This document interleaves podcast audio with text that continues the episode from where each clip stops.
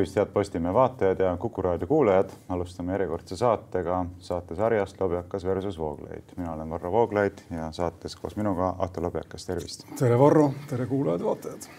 tänases saates keskendume kahele teemale. suurem osa ajast kulutame eeldatavasti esimesele, võib-olla väiksema osa teisele teemale. teemadeks on esiteks meediateenuste seaduse muutmise plaan mis teatavasti on nüüd aktualiseerunud, kuna vastav eelnõu jõudis Riigikogusse. ja teiseks teemaks oleks siis Välisluureameti aastaraamat, et heidame pilguga sellele ja sellega seonduvatele küsimustele. aga esimene teema, meediateenuste seaduse muutmise seaduse eelnõu, mis ei jõudnud parlamenti eelmise valitsuse ajal, kuna EKRE pidas seda kinni, on nüüd parlamendi menetlusse jõudnud, peagi hakatakse seda seal menetlema ja omalt poolt sissejuhatuseks ilma pikemalt keerutamata ütlen, et minu meelest see eelnõu oma põhilise probleemi aspektis vähemalt äh, kujutab teist poolt sellest samast mündist, mille esimeseks pooleks on siis selle niinimetatud vihakõne kriminaliseerimise plaan. Et eelnõus on selline paragrahv nagu paragrahv üheksateist, mul on see eelnõu ka siin kaasas, see on ka olemasolevas seaduses olemas, see paragrahv üheksateist mis kannab pealkirja Alaealiste kaitse ja kõlbluse ning seaduslikkuse tagamine. ning selle esimene lõige ütleb, et meediateenuseid osutades ei tohi üheski saates õhutada vihkamist soo, rassilise või etnilise päritolu, veendumuste või usutunnistuse alusel või alavääristada õiguskuulekat käitumist või kutsuda üles õigusrikkumisele ja no mida eelnõuga tehakse, on see, et sellesse samasse paragrahvi lisatakse terve rida aluseid, mida seal praegu ei ole. et iseenesest see jääb alles. aga kuidas siis seal ongi öeldud, et oleks ka selge, millest me räägime kohe algatuseks. ja lisatakse sinna sellised alused nagu nahavärvus, sotsiaalne päritolu, geneetilised omadused, keel, poliitilised või muud arvamused, rahvusvähemusse kuulumine, varaline seisund, sünnipära, puue, vanus, seksuaalne sättumus või kodakondsus. nii et äh, lisaks eelnevalt nimetatule siis ka nendel alustel on äh, vaenu õhutamine Äh, selle eelnõu kohaselt keelatud. noh, peamine probleem, nagu juba öeldud, on ikka seesama asi, et kes ütleb meile, mis on vaenu õhutamine, antud juhul antakse siis Tehnilise Järelevalve Ameti ametnikele voli otsustada selle üle, milline, kas näiteks isegi siin saates väljendatud seisukoht kujutab endast vaenu õhutamist ja kas siis antud juhul tuleks alustada näiteks Postimehe suhtes väärteomenetlust, mis võib päädida maksimaalselt siis kolmekümne kahe tuhande eurose trahviga et mina arvan, et see on väga halb plaan ja kujutab ennast järjekordset rünnakut sõnavabaduse vastu. see on huvitav teema, kas ma tohin küsida, sul on see patakas paberid ees, et kas sa oled, ühesõnaga mina, mina pole nii täpselt seda asja jälginud, aga kui me räägime meediast, kas me räägime ka noh, tähendab kogu sellest meedias edastatavast sisust ehk siis näiteks ka filmidest ja ma ei tea, näitemängudest ja ütleme siis mitte arvamusega, mitte uudiste osast, vaid,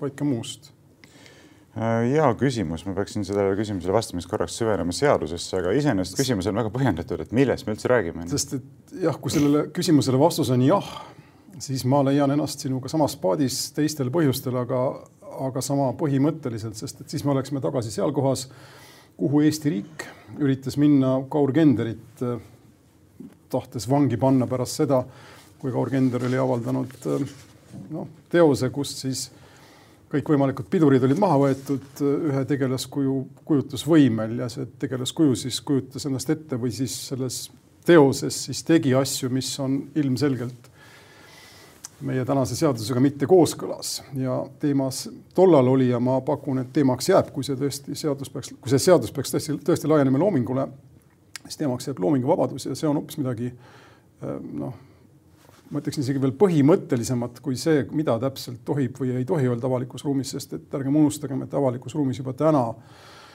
reguleerib seda öeldavust Eestis vähem, mujal rohkem laimamise ja muuga seonduv püga, pügalastik, eks, et kui ikkagi põhimõtteliselt sina minu kohta midagi väga halba ütled või ütled või vastupidi, siis meil on olemas võimalus minna sellega kusagile ütleme kohtusse välja selgitada siis, kas minu hea nimi sai kannatada või mitte, nii et, et selles mõttes me oleme nagu selle nagu siin kahe sellise olulise haara vahepeal ja ma ütleksin, et see loominguline vabadus, kui see tõesti on siin sees seaduses, äh, on palju, oleks palju suurem lüük, löök ühiskonnale kui, kui veel mingisuguse standardite kihi asetamine nii-öelda vabale kõnele no osaliselt on see probleem seotud laiema probleemiga, mis seadusi lugedes ilmneb, et sa lihtsalt tihtipeale ei saa ka nagu üldse aru, et mida seaduses silmas peetakse. aga kas ma tohin vahele öelda, sa tahtsid täpsust ja seal on ju kaks või kolm rida mõisteid nüüd. vaata, kui täpseks on aetud see, mis on vihakõne.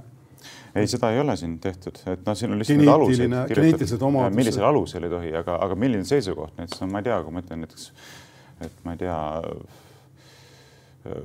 abort on, eks ole, süütu inimese tahtlik tapmine, et kas see kujutab endast näiteks vaenu õhutamist, ma ei tea, mingi professiooni alusel või naistearstide vastu, mida iganes, et ühesõnaga tõlgendusprobleem jääb ikkagi alles samasugusena. Aga muuseas, tulles tagasi enda märkuse juurde, et äh, ei ole võimalik tekstidest aru saada, seaduse tekstidest äh,, eriti kuidagi sellisel reljeefsel kujul avaldus see siis, kui mul kolleeg pöördus Kultuuriministeeriumi poole, kus see eelnõu on välja töötatud ja küsis, et vabandust, et kas see regulatsioon kehtib ka Objektiivi kohta, portaali Objektiivi kohta siis. ja, ja vastus, mis saadi, oli see, et me ei oska teile täpselt seda vastata. Et see peab selguma seaduse rakendamise praktika käigus. kas ma tohin tõlkida selle sulle, kas ma tohin tõlkida, tõlkida selle arusaadavasse keelde, see tähendab seda, et ametnik ei julge midagi öelda enne, kui keegi kõrgemal pool on otsustanud. tähendab, ametnik jah, ei saa ise ka seadusest aru, aga ma arvan, et see on rohkem julguse küsimus, ta ei hakkagi peale selle tõlgendamisega, sest et see ei ole tema töö. aga omamoodi on see absurdne, et on. te töötate ise välja seaduseelnõu ja te ei oska öelda, kellele see kohaldub, eks. et nagu me vaatame seaduse esimest paragrahvi, siis see seadus sätestab äh, seaduse reguleerimisala ja ütleb, et meediateenuste seadus sätestab audiovisuaalmeedia ja raadioteenuste osutamise korra, tegevuspõhimõtted ja nõuded meediateenuse osutajatele, nii noh, audiovisuaalmeedia teenus, no siin on mitu asja, mille saab, üle saab äh, arutleda. audiovisuaalmeedia, näiteks see, mida me praegu siin teeme, eks Postimehe veebi tv on audiovisuaalmeedia teenus. kellele, kellele mina praegu teenet osutan, ma nagu ei näe ennast teenuse faktina. no Postimees osutab teenust, et seda saab osta, seda, selle sisu tarbimise võimalust. Okay aga, aga no näiteks äh, Objektiivi puhul ma küsingi, kas me osutame teenust või ei osuta teenust, et meil on mittetulunduslik ettevõtmine, sisu on vabalt kõigile kättesaadav see ei ole äriline tegevus, on see teenuse osutamine? see teema tegelikult ei oska vastata. see teema on Venemaal lahendatud niimoodi, et inimesed, kellel sotsiaalmeedias on mingist arvust kõrgem number jälgijaid, ütleme viiest tuhandest vist või, saavad automaatselt teenuse osutajateks ja kellel on vähem jälgijaid, on lihtsalt viitijad. no kes peab kustutama ära aeg-ajalt äh, jah, täpselt, et see on äh, omaette keeruline probleem, aga ma arvan, et see ei ole nii põhimõtteline. me, no ma olen kindel, et meie riik ei taha minna sinna, kus on täna Venemaa, ehk siis. see on päris huvitav, et kui sul on sotsiaalmeedias näiteks kuus tuhat jälgijat, siis sa oled ka juba meediateenuse osutaja. ja kusjuures, okei okay,, ma natukene siis kerin veel kõrvale lateraalselt seda mõtet, ma Raadio kahte kuulates aeg-ajalt autos sõidan, panin tähele, et äh, seal oli korraks üle, üle, ülal probleem läbi Tarbijakaitseameti, kust öeldi vist kogemata ja mõeldamatult midagi inimeste kohta, kes noh, nii-öelda reklaamivad tooteid Instagramis ja mujal, et selle reklaamiga siis seonduvad omaette seadused ja need inimesed, kes seda teevad, peavad kuidagi selle deklareerima ja mis iganes. ja mis tähendab siis seda, et sa ei või ka põhimõtteliselt noh, nalja pärast, eks öelda, et soovitan süüa seda kooki ja panna sinna reklaam hashtag, eks, vaid sa oled kohe teenuseosutaja või reklaamija ja nii edasi. tegelikult see, see kõik tungib sisse meie igapäevasesse ellu ja me ei ole sellest ka teadlikud ja, ja noh, ta võtab nagu üle, aga need isegi see seadus selles mõttes on osa sellest samast lainest, eks üha rohkem, üha täpsemalt defineerida seda, mida teenusena osutatakse, aga kui me tuleme tagasi selle sisu juurde korra, selle vihakõne sisu juurde, mis, mis sinu jaoks on muidugi kõige olulisem, siis see loomingu teema kõrvale jätta, ma mõtlesin veidikene selle üle, mida siin karta, mida siin mitte karta, kes kardab vihakõnet ja miks. või äh, ja mulle tundub, et kui see asi nagu läbi uuesti vaielda, mida meil pole tingimata vaja teha aga siis ma lugesin ka seda linki, mis sa saatsid mulle Postimehest, Maarja Vaino oli kirjutanud loo. väga hea artikli. minu arvates väga sellise lihtsakoelise ja ma ütleksin loosungliku loo sellest, kuidas ei tohi meid käsutada keegi, kes me ise ei ole, ehk siis no, tehakse meist nagu lapsed ja Brüssel oleks nagu ema, Brüssel nõuab neid norme meile, eks. siis noh mulle tundub, et selle skaala teises otsas on see jutt, mida sulle meeldib rääkida sellest, kuidas rahvas ise otsustab, mis kord meil kehtib ja selle otsustab siin meil enamus, eks. ja sellisel puhul lihtsalt küsimus on ju selles, kas otsustab äh, sinu enamus siin või ma ei tea, noh, mulle rohkem meeldib enamus Brüsselis, aga sisulist vahet ma siin ei näe. sest et äh, kui ma nüüd tulen tagasi selle asja ütleme sisu juurde ja aluste juurde, siis sa ütlesid seal ühe esimese sõnana kõlblus ma ütleksin, et vabandust nüüd sõna eest, aga sinu ja Maarja Kangro brigaad on ju esimene, kes tõstaks lipu kõlbluse eest. ära mind Maarja Kangroga küll ühte paati. okei okay,, aga põhimõtteliselt. Maarja Vainoga võid panna. vabandust, Maarja Vainoga, vabandust. see oli nüüd aps minu poolt. ühesõnaga Maarja Vainoga äh,. teie, ütleme teie sarnaste vaadetega inimesed kindlasti ei loobuks ju põhiseaduses sellest kõlbluse erandist sõnavabadusele. seal on pügal nelikümmend viis, kui ma ei eksi, mis ütleb, et meil tsensuuri ei ole, sõnavabadus on absoluutne, aga avalik kord, kõlblus ja veel muid asju on selleks. mina võtaksin sealt kõlbluse välja, laseksin igalühel ropendada ja ma ei tea, paljalt ringi käia ja nii edasi, aga teie olete need, kes ütlete, siitsamast ma loen välja, loomuseadus peab kehtima ja olema tõlge-, peab olema nagu tõlgendunud meie õigusaktidesse, eks. et selles mõttes ma ei näe põhimõttelist vahet, kui sa loomuseaduse alusel, mis sulle on loomuseadus, piirad inimeste väljendusvabadust või kas siis Brüssel piirab siin sinu või kellegi teise võimalust öelda, et kui on must, siis äh, ma ei tea, noh mis iganes no siin on nüüd õige mitu olulist punkti, millele ma peaksin tegelikult peatuma. alustame sellest, et esimene asi, mis muidugi läbivalt meie saadetest on välja paistnud, on see, et sul on tohutu umbusk Eesti rahva vastu. sa ei usu, et tegemist on rahvaga, kes suudab iseennast valitseda, kehtestada ise sellised reeglid ja kui talle anda võim iseenda üle valitseda, et küll ta siis läheb teineteisele kõri kallale ja hakkab siin jubedaid asju tegema, eks. et see on nagu selline asi, mis nagu läbivalt paistab läbi ja vaata, seda mina ei jaga et ma arvan, et selline umbusk ei ole põhjendatud, ma arvan, et Eesti rahvas on piisavalt küps ja piisavalt suutlik, et iseenda üle valitseda. ise kehtestada reeglid, mille kohaselt elada ja meil ei ole tõesti vaja mingit niisugust nagu kasvataja-tädi Brüsseli näol, kes ütleb meile ette, et millised seadused meil on, mida me võime öelda, mida me ei või öelda, eks, milliseid sõnu me võime, ma ei tea, saates väljendada või sotsiaalmeedias väljendada või ma ei tea, ajalehtede kommentaarides väljendada. aga ma küsin siit vahele sulgudes, aga meie ise võime neid piiranguid endale sätestada, eks? loomulikult loomulikult võime no,. aga siin ongi küsimus selles, kas me nagu valitseme enda üle ise või me oleme nii, niivõrd kuidagi viletsad ja väetid, et meie üle peab keegi valitsema. aga seda ma tahtsingi markeerida ja sellega, kui sa seda tunnistad, siis kogu see jutt sellest, et inimestel peab olema võimalikult suur vabadus ennast väljendada, läheb ju siin prügikasti, sest et ka sina tahad seda piirata lihtsalt teistel alustel. ei no mingisugused sõnavabaduse piirangud peavad alati eksisteerima, see on selge. no näiteks ma ei tea, riigiametnik ei saa suvaliselt hakata riigisaladusi välja, välja lobisemaks, kas see on ka sõnavabaduse piirang, eks? aga kui sa paned riigi, Eesti rahva, kui sa paned Eesti rahva, okei okay,, tõlgenda mulle Eesti rahvast, kui sa paned Eesti rahva piirama sõnavabadust sellega, mis on vajalik ja oluline, siis mis see oleks? No mina ei saa Eesti rahva nimel siin kõneleda, et, et see ongi sa just ütlesid, et Eesti rahvasse sa usud ja seda tead väga hästi ja sa oled kindel, et ta kunagi endale midagi halba ei teeks ja samas sa ei saa tema eest kõneleda. ei, seda ma ei öelnud, et mina tean, mida ta tahab, et ma lihtsalt ütlen seda printsiibina. ma arvan, et ei ole selline umbusk põhjendatud. et ei ole niimoodi, et belgiased, belglased ja prantslased ja itaallased ja inglased oleks kuidagi suutelised iseenda üle valitsema, aga Eesti rahvas ei ole. belglased no,, ma pean, ma pean muuseas ütlema no, seda, et balloonid ja flaamid, kui sa ütleksid nende kohta belglased. tullakse kallale, et vihakõne et umbes nii jah aga, aga seda ma tõesti arvan ja see on üks selline läbiv ja oluline printsiip, et äh, siin nüüd tuleb küll nagu tõsine veelahe, et me, mina ei taha küll kuidagi omaks võtta sellist hoiakut, et me peamegi hakkama lähtuma sellest eeldusest, et meil ongi vaja mingi kasvataja-tädi, kes meile ette kirjutab mingisugused reeglid, et siis ei ole ju mitte mingisugust iseseisvust, siis ei ole mitte mingisugust demokraatiat, et siis tuleb ka ausalt öelda, et neid kumbagi ei ole tegelikult. mitte mängida, et on tegelikult käituda nii, nagu neid ei oleks. ja teine aspekt, äh, mille ma esile tooksin oota, mis see teine nüüd oligi, mul juba ise, ise unustasin ära, aga noh, põhimõtteliselt see on see esimene asi, et selline Brüsseli ettekirjutused on ikka väga-väga tõsine probleem, et nii selle vihakõne kriminaliseerimise puhul kui ka selle meediateenuste seaduse muutmise puhul on ju väga markantne see, et kõik need eestvedajad ütlevad, aga Brüssel nõuab, eks see on mingisugune direktiiv, mingisugune raamotsus mingisugune määrus, mille kohaselt tuleb selliseid asju teha. Ja, ja ei vaevutagi üldse selgitama või pöörama tähelepanu sellele, et tegelikult ühiskondlikku vajadust reaalselt selleks ei ole, et selliseid seadusemuudatusi teha. vabandust, kas sa ei näe paralleeli ajalooliselt sellega, mida aastasadu öeldi selle kohta, mida kõik kristlikud rahvad pidid tegema, kes siis nõudis?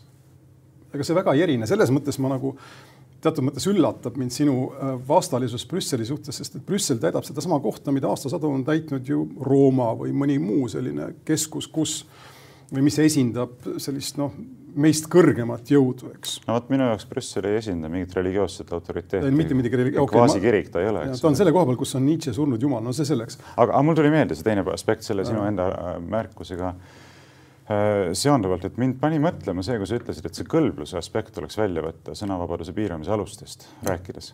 aga samal ajal see, mida sa ise oled paljudes saadetes põhjendanud, on tegelikult täpselt sama printsiip. aga seda ma ei tahangi öelda. sa võtad selle kõlbluse printsiibi, mõtestad selle natukene ümber ja ütled, et vot selliseid ja selliseid ja selliseid asju ei tohiks saada ei siin saates ega mujal öelda, sellepärast et sinu arusaamise kohaselt see läheb nagu kõlblusega vastuollu. tegelikult sa kaitsid ma... ise samamoodi seda printsiipi. täpselt, aga sellele ma ju viitangi igal võimalusel, võib-olla isegi liiga tihti, et me esindame ühe mündi kahte eri poolt. sinu suverään on Jumal, minu suverään on inimene.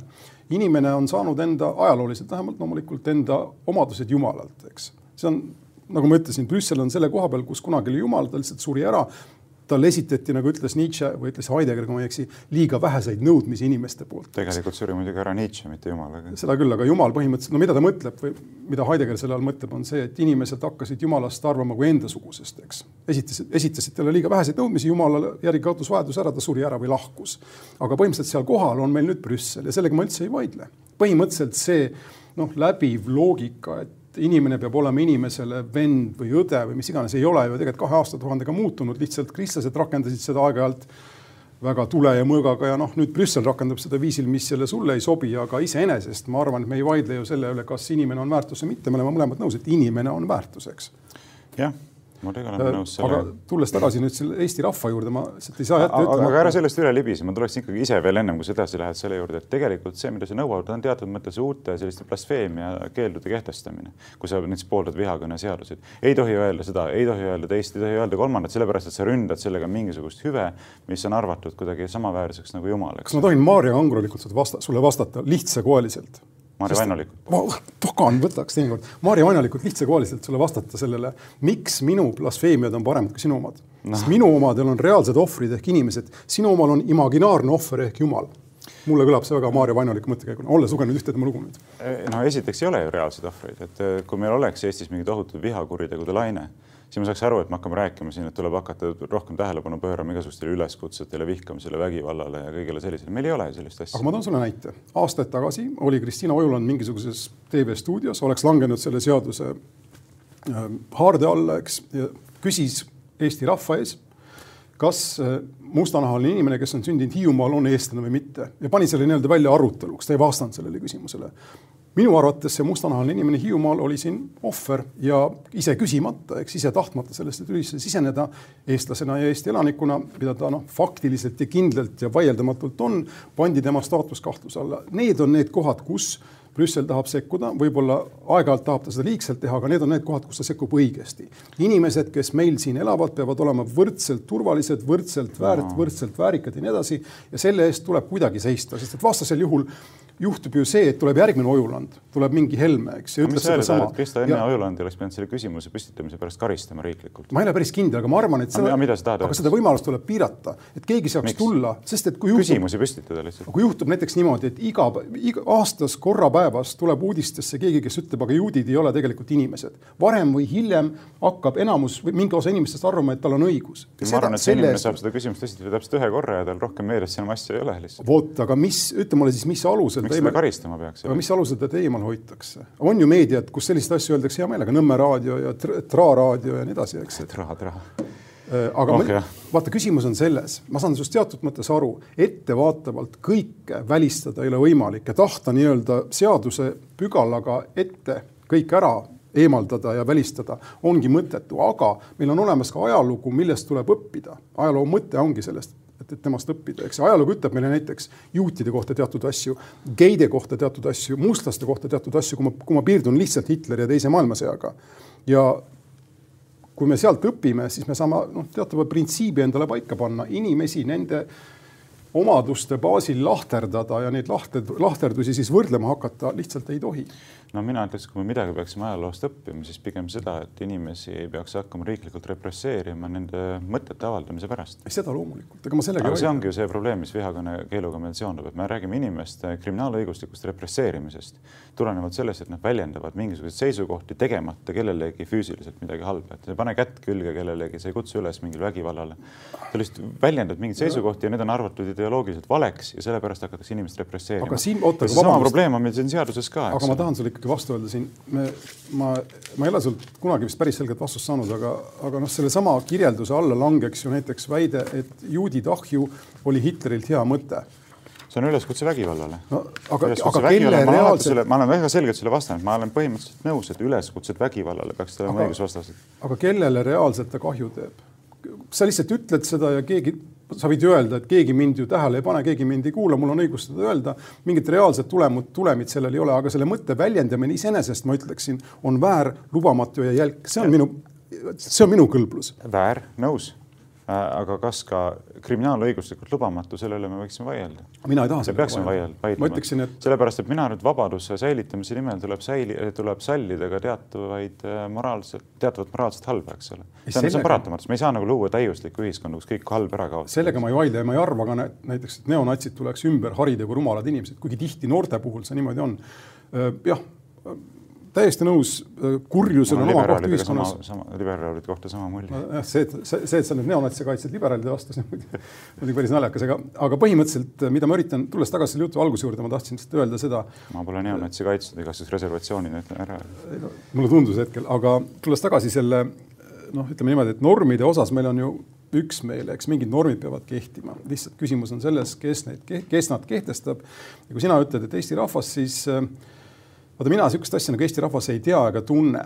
Eesti rahvas koosneb indiviididest.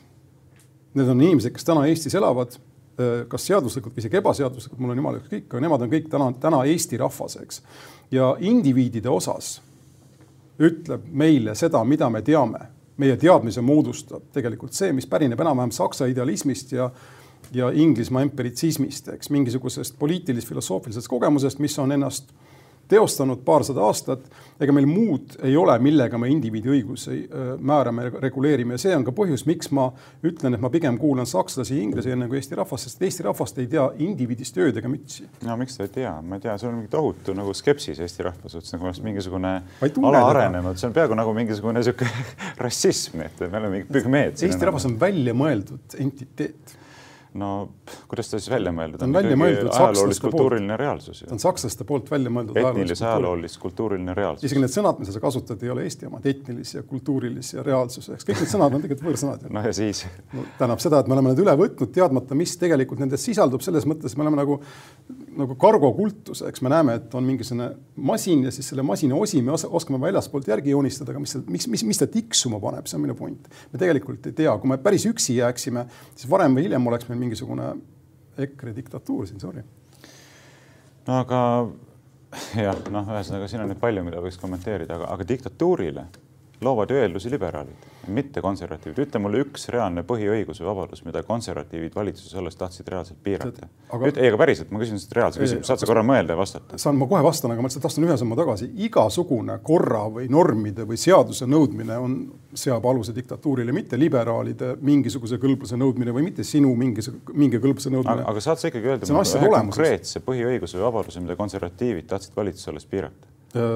põhimõtteliselt taheti teha küll tagaukse vahenditega geides teise sordi inimesed. ei tahetud mitte midagi, tahetud muuta isegi seadust, säilitada olemasolev olukord, keegi ei tahtnud ühtegi seadust muuta. milleks abielureferendum? keegi ei tahtnud ühtegi õigust ära Selleks, võtta mitte kelleltki.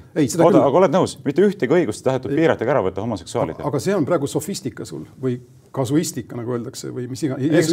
see on oluline küsimus. loomulikult ei võeta õigusi ära, aga taheti panna piir, et nad ei saaks ka võrdseid õigusi geide kooselu ei saaks võrdset õigust ega võrdset tunnustust heteroinimeste kooseluga, see oli ju point. no esiteks on täpselt võrdsed õigused kõigil, aga, aga oluline printsiip on see, et mitte ühtegi õigust mitte kelleltki ei tahetud ära võtta. nüüd, kui liberaalid tulevad võimule, no niinimetatud liberaalid, ma ei saa neid liberaalideks nimetada päriselt, siis hakkab kohe pihta, eks meediateenuste seaduse kaudu suruda vaba sõnavabadust ajakirjanduses ja muudes meediaväljaannetes, audiovisuaalselt meediaväljaannetes, sotsiaalmeedias sealhulgas, eks mis on selles meediateenuste seaduse teine no, aspekt. Nad ei taha trahvi saada Brüsselilt, see on ka mõistetav äh, stiimul, eks, aga kui sul on vaja sõna äh, inimeste jaoks, kes täna on võimul ja ma olen oot, oot, aga ma ei lõpetanud lauset ära veel. kas ma tohin öelda lihtsalt vahele, osaliselt ma olen nõus sinu kirjeldusega, et nad ei ole tingimata liberaalid.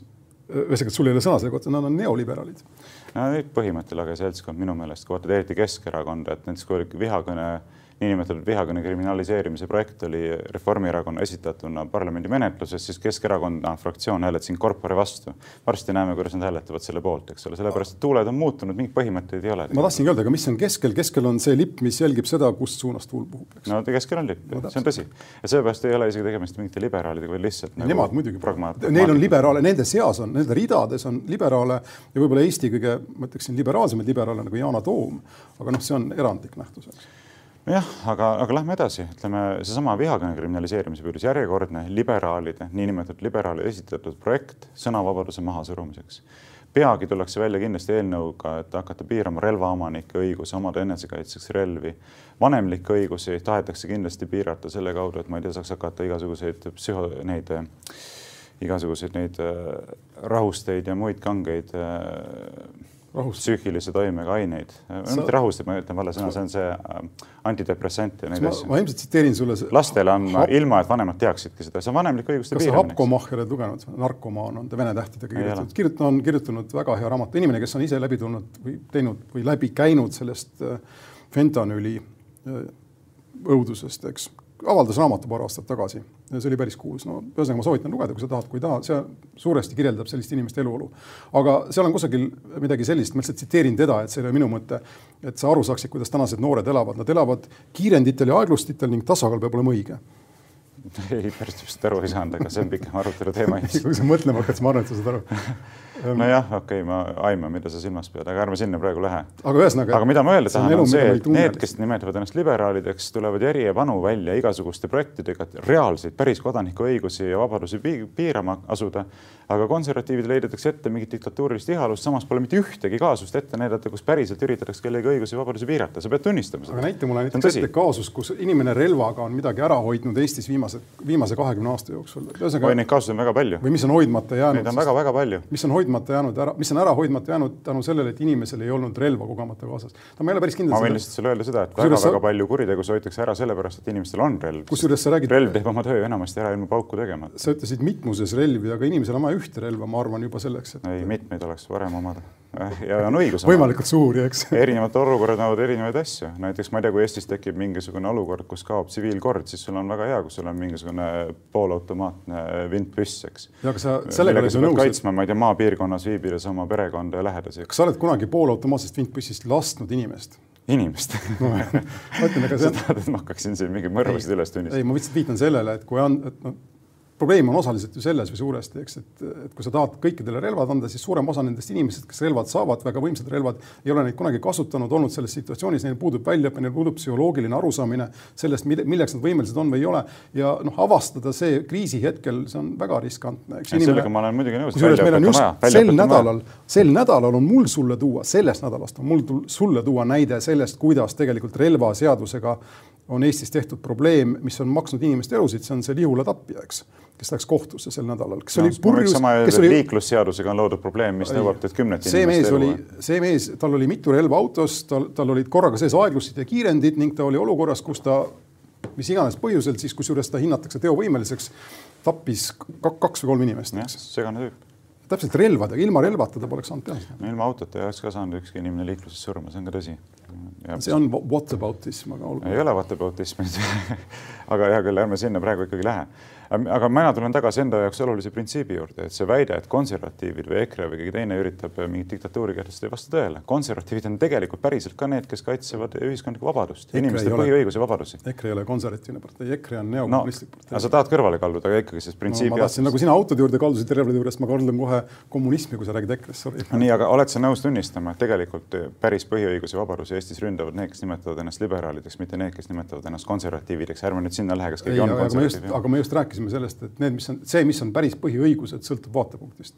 et siis ainuke päris põhiõigus on mingi homoseksuaalne ideoloogia, et ei, indiviidi, maksimaalselt juurde. seni, kuni sa, sinu maailm on indiviidipõhine, mida ta sul ei pruugigi tegelikult olla, aga seni, kuni ta on nagu mul indiviidipõhine, siis indiviidi põhiõigused, nende hulka siis kuulub esmajoones sinu õigus ja vabadus ennast defineerida, nagu sa tahad no,. oled sa gei või ei ole sa gei, ei mängi mingit rolli. no defineeri, kes keelab. no täpselt, aga keelab. kui sa, kui on olemas hüved ühiskonnas. sa nõuad ju ühiskondlikku tunnustust oma definitsioonile.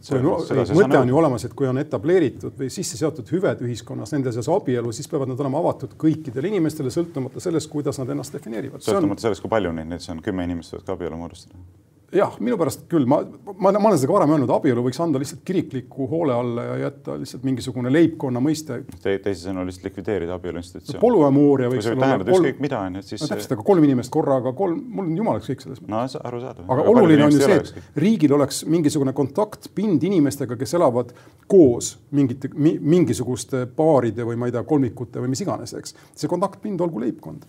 nojah, see tegelikult näitabki seda, et kogu selle ideoloogilise projekti taustaks ei ole mitte soov saada õigust abielluda, vaid soov hävitada abielu institutsioon, eks selle, kogu selle tähendusega koos. nagu sa ütledki, et sul on ükskõik, kes abielluda abielluda, kui on ükskõik kes ja kõik võivad, siis tegelikult see ei tähendagi enam mitte midagi. täita uue sisuga. institutsioon ongi hävitatud. miks hävitada? täita uue sisuga, uue ja suurema sisuga. no see on nagu Eesti Vabariigi täidame uue ja suurema sisuga, aga see nähtus enam pärast ei eksisteeri. ei, ta eksisteerib, aga lihtsalt see sõltub vaatepunktist, ma ütlen sulle, kas vaatad edasi või tagasi, on väga suur erinevus, eks. okei okay no aga siis ilmselt äh, enne peaks minema teise teema juurde, aga ma tahan ühte asja veel lõpetuseks öelda, et kui ma vaatasin Aktuaalse Kaamera saatelõiku äh, selle kohta, sellesama meediateenuste seaduse muutmise kohta, siis seal kultuuriministeeriumi nõunik Siim Rohtla ütles täiesti otse, et jah, selle seadusemuudatuse näol ongi tegemist sõnavabaduse piiramisega. Ja ma tsiteerin, ta ütleb, sõnavabadus on juriidiliselt piiratav seni, kuni me tegeleme teiste inimeste tervise ja ohutusega ja et meediateenuse seadusega kindlasti piiratakse sõnavabadust, aga seda tehakse parema ja turvalisema ühiskonna nimel. sinu loomuseadus teeb täpselt sedasama ju, ei tee või? Äh, ma ei tea, mida sa täpselt silmas pead, aga, aga minule vaatab siit igalt vastu selline kommunistidelt õpitud innukus, eks ole, kui me teeme paremat kuidas see oli, paremat ja turvalisemat ühiskonda, siis me võime suruda maha sõnavabadust, siis me võime suruda maha usuvabadust, veendumuste vabadust, liikumisvabadust, ma ei tea, õigust eraomandi puutumatusele, eks, õigust eraelu puutumatusele. parem ja turvalisem ühiskond on meie eesmärk, eesmärk pühitseb abinõu, võime minna. aga niimoodi ei saa arutada, mind tegelikult paneb imestama, et kultuuriministeeriumis ei saada sellest aru, et põhiõigused ja vabadused on väga oluline suurus ühiskonnas, mille piiramiseks peab olema väga tõsised kaalutlused, mitte lihtsalt nii, et seda, meil on õilis eesmärk ja nüüd paneme ka minema. kui sa oleksid gei ja räägiksid seda juttu, siis sa oleksid täpselt siin, kus mina istun praegu. põhiõigused, vabadused, neid tuleb kaitsta ja nii edasi, tahetakse piirama hakata. sa räägid illusoorsetest õigustest, no ma olen seda alati öelnud aga, aga, aga, aga mis sind saab üllatada selles, et Eesti rahval on õppida täpselt kahest kohast. üks on boss, üks on kommunistlik minevik või sotsialistlik minevik, teine on liberaalne tulevik. ma ei näe nagu vahepealset varianti üldse. hea küll, hea küll, aga jah, ma küll ütlesin, ma ütlen ühe asja, aga luba, ma ütlen ühe asja siiski veel. ma tahan öelda seda Postimehele, Delfile ja teistele väljaannetele, et vaadake seda meediateenuste seaduse muutmise seaduse eelnõud ja lugege seda nagu enda kohta käivana. ja ma loen seda lihtsalt, jätan siit sõnu vahelt ära, aga mitte midagi moonutades. ütlen nii, meediateenuseid osutades ei tohi üheski saates õhutada vihkamist poliitiliste arvamuste alusel. aga see tähendab seda, et sõna-sõnalt tähendab seda, et Leni Riefenstahli meil kunagi näidata ei tohi ei, aga ei tohi ka näiteks, ma ei tea, sinu äh, hea see Eesti üks parimaid ajakirjanikke Vilja Kiisler, eks väga kriitilise. nüüd, nüüd, kui Annus Karno on lahkunud, siis. siis on lihtsalt absoluutne tipp. et äh, väga kriitilised seisukohad EKRE suunal näiteks miks ei võiks need olla Tehnilise Järelevalve Ameti poolt tõlgendatud äh, vaenu va,, ja see on see, mis teostab selle seaduse üle järelevalvet, jah, tõlgendatud vaenu õhutamisena poliitiliste arvamuste alusel jah, aga poliitiline debatt peab jätkuma, ma arvan no,, sellega, vaidle, sellega ei vaidle keegi. nii, aga kus me tõmbame piiri vaenu õhutamise ja kritiseerimise vahel? vaata, mul ei ole midagi seda vastu, tegelikult jah, see seadus, nagu ta nüüd siin kirjas on, eks välistaks igasuguse EKRE osaluse edasistes debattides äh, aga. minu ka või? ma ei tea, aga põhimõtteliselt sina ei ole poliitik no,, nagu sa ütled. sa pead hakkama vaikselt mõtlema, kellega seda saadet edasi teed. aga ma arvan, et see saade meil ja, ühe jalaga ei käi. aga mida ma öelda tahan, on see, et, et ma olen ammu mõelnud, et eriti pärast seda, kui EKRE oli parlamendis ja valitsusse sai, eks, et talle eetriaega keelata ju ei saa, aga tuleb seda teha siis nagu Rootsis ehk panna juurde alati tervis, terviseohu selline märk või mingisugune noh, teade, et see ei ole. saates väljendatakse ideoloogiliselt mittekorrektseid seisukohti. ja mis võib teile kahju teha ja Eesti Vabariigi kodanike inimestena ja midagi sarnast hea küll, tõmbame sellise ettepanekuga otsad kokku ja läheme teise teema juurde.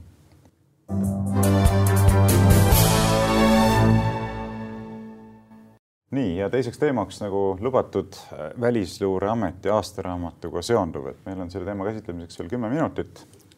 kolmapäeval siis Välisluureamet oma aastaraamatut esitles. ma ise panin ette, et võiksime seda teemat vaadelda ennem kui seda esitleti, aga nüüd, kui ma seda raamatut ka sirvisin, osaliselt ka lugesin jäin mõtlema, et ega seal nagu väga palju sellist ähm, huvipakkuvat ei ole, millele tähelepanu pöörata, et ikka Venemaa suurim julgeolekuoht Eestile, järjest suurem julgeolekuoht on ka Hiina, kellele pööratakse seal erilist tähelepanu viisil, mille vastu juba Hiina saatkond on jõudnud protesteerida aga jah, me siin ennem saadet ka paar sõna sel teemal vahetasime ja ma olen sinuga nõus äh, sinu poolt öelda suhtes, et äh, tekib küsimus, et milleks sellist aastaraamatut üleüldse tehakse, sellepärast et äh, Välisluureameti ja selle tegevuse kohta me selle aastaraamatu kaudu küll praktiliselt mitte midagi teada ei saa, et seal räägitakse noh, jah, on tehtud selline ülevaade oma nägemusest maailmas toimuvatest protsessidest aga see, kuidas toimub Välisluureamet, see on endiselt ikkagi selline täielik must auk, millest me ei tea mitte midagi ja nagu me teame, selle üle puudub praktiliselt ka igasugune tsiviilkontroll Eesti ühiskonnas. jah, see viimane, mis sa ütlesid, mind äh, ausalt öeldes, seda ma nagu ootasingi, sest et see on üks nendest teemadest, kus sa näed nõndanimetatud süvariigi sekkumist äh, väga pinnalähedal poliitikasse ja ma arvasin, et sa võtad selle tugevamalt ette, aga põhimõtteliselt siin on paradoks sees nendes asjades alati kui sa, ma olen varem, ma olen, kui ma õigesti aru saan, siis varasemad need aastaraamatud on olnud rajatud või kirjutatud üksnes avalikust materjalist lähtudes. sest et noh, põhimõtteliselt kui sa annad ära mingisuguse operatiivtöö tulemuse, siis on võimalik seal tagurpidi siis insenerdada välja see, kust sa said ja kes selle sai ja sa paned inimeste elud ohtu, eks. oletades, et tegemist on professionaalse organisatsiooniga, mida ma ühest Mikk Marrani juhitud organisatsioonist lihtsalt ei usu, kuna tegemist on ma ise enda kogemusest tean piiratud ja põhimõtteliselt rumala inimesega. ja noh, rumalusest räägib ju ka see, eks, et tegemist on sellise klantspiltidega referaadiga, kus avalikest materjalidest on kokku pandud midagi, mis jääb alla, ma ütleksin, lääne keskmise mõttekoja toodangule. analüüsi seal ei ole, seal on loosunglike lausete kogum, eks. ja noh, milleks seda riigil välja vaja on anda, see on kellegi edevusprojekt, ma jällegi oletan, et see on sellesama Mikk Marrani edevusprojekt, temaga koos see sinna tekkis, et no oletatavasti siis anda välisluurele kapoga võrreldav mingisugune nähtavus, eks see on PR-projekt. aga mis selle asja reaalne tulemus on ja siin ma kipun sinuga nõus olema, ja see käib ka kapo kohta, ilmselgelt on tegemist katsega ametnike poolt piirata välisjulgeoleku kaitsepoliitilise debati ulatust Eestis, panna paika mingisugused väravapostid või piiripostid, eks, millest väljapoole minna ju ei saa, sest et ametlikult on öeldud, et Venemaa on selline, Hiina on selline ja noh, kes veel seal kirjas on, on sellised, eks. ja isegi kui ma ei vaidle selle analüüsiga, mul ei ole midagi noh, ära kadunud Venemaale ja Venemaa on täna väga kehvas kohas ja mingi ees, mingisugune eeskuju ta meil ei ole, eks, siis tegemist on asjadega, mis ütleme, demokraatlikes küpsetes ühiskondades jäetakse poliitikutele. Ja poliitikud saavad need raportid, teevad oma, kujundavad oma arvamuse ja siis räägivad sellest, aga meil räägivad sellest ametnikud ja poliitikud löövad kulpi, meil on tõesti see asi teistpidi praegu.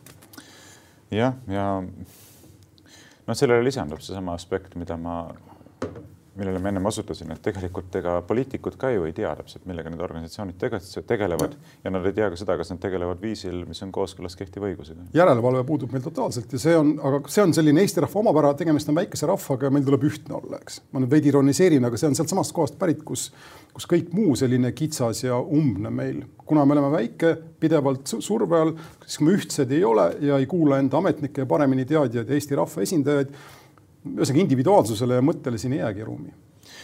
nojah, aga siin tekibki see moment, eks nüüd antakse see aastaraamat nagu ette, vaadake, lugege, rääkige, arutage ja nüüd sel nädalal siin mingil määral ikkagi räägitakse ka sellest, meie ka siin räägime, eks ole, näed, mis nende aastaraamatus kirjas oli. Hiina saatkond, panid tähele? tegemist oli diplomaatilise järelmiga siin täiesti, ma ei tea, kas seda välisministeerium niimoodi tahtis.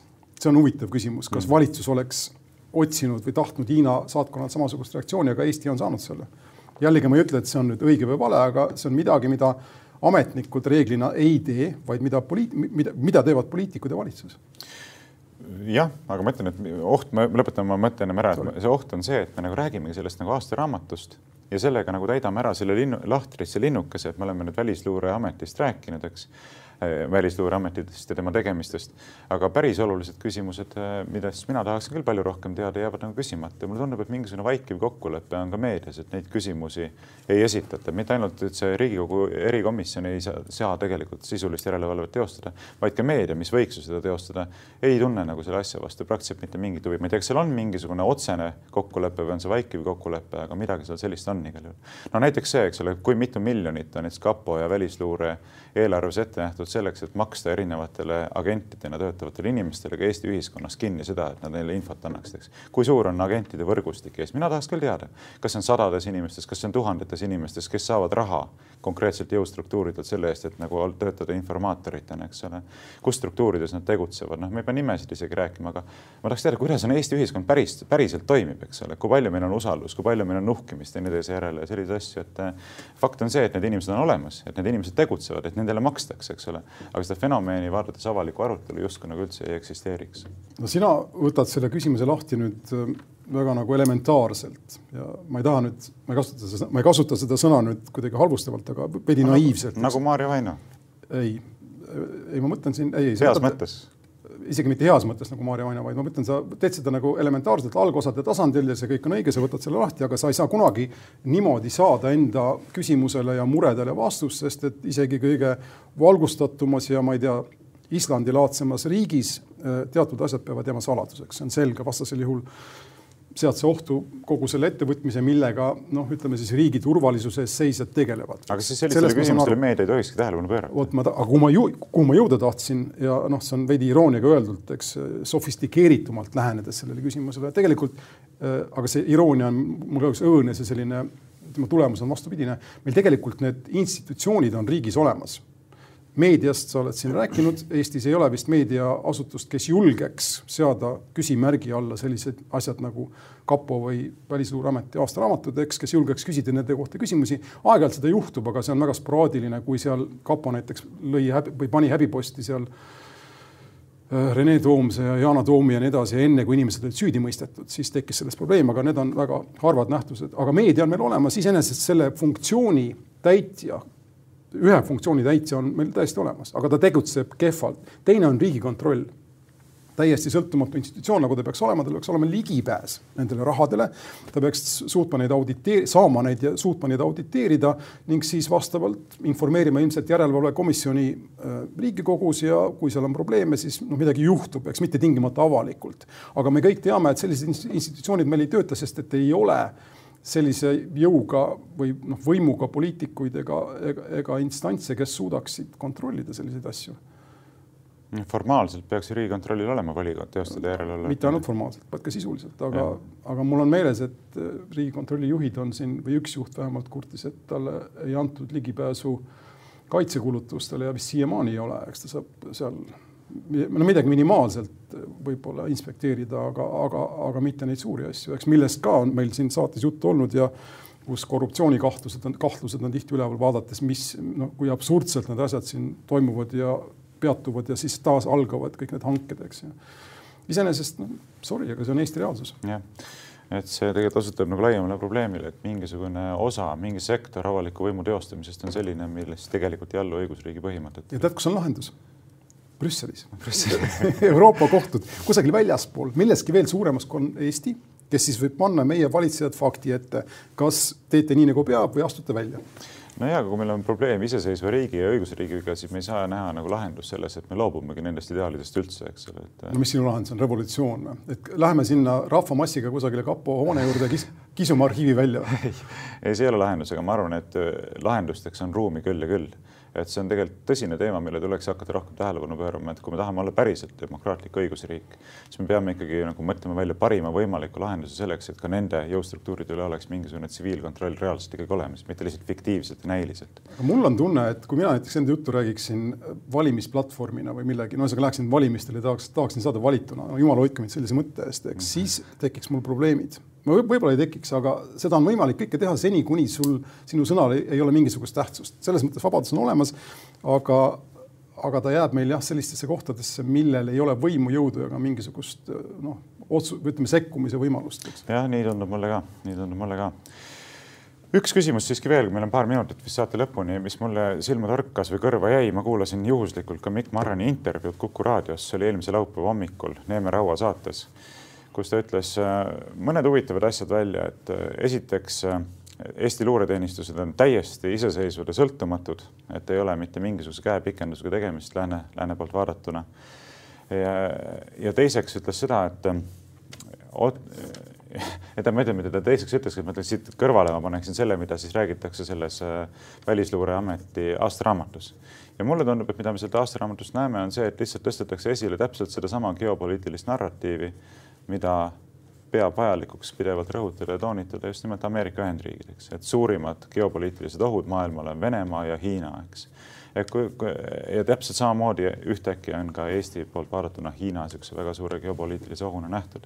aga küsimus, millele üldse ei taheta vastata, on see, et kas mingisugune julgeolekuoht mingisugusel viisil lähtub Eestile ka lääne poolt ja vot sellist küsimuse püstitust ei ole mina kunagi kuulnud, kas Eestis näiteks jõustruktuurides või ametkondades kuskil võiks töötada ka inimesed, kes saavad reeta Eestit mitte ainult ida suunal, vaid ka lääne suunal? me mõtleme ilmselt erinevaid asju, aga mul on see mõte samamoodi olnud äh, seoses paremäärmuslusega.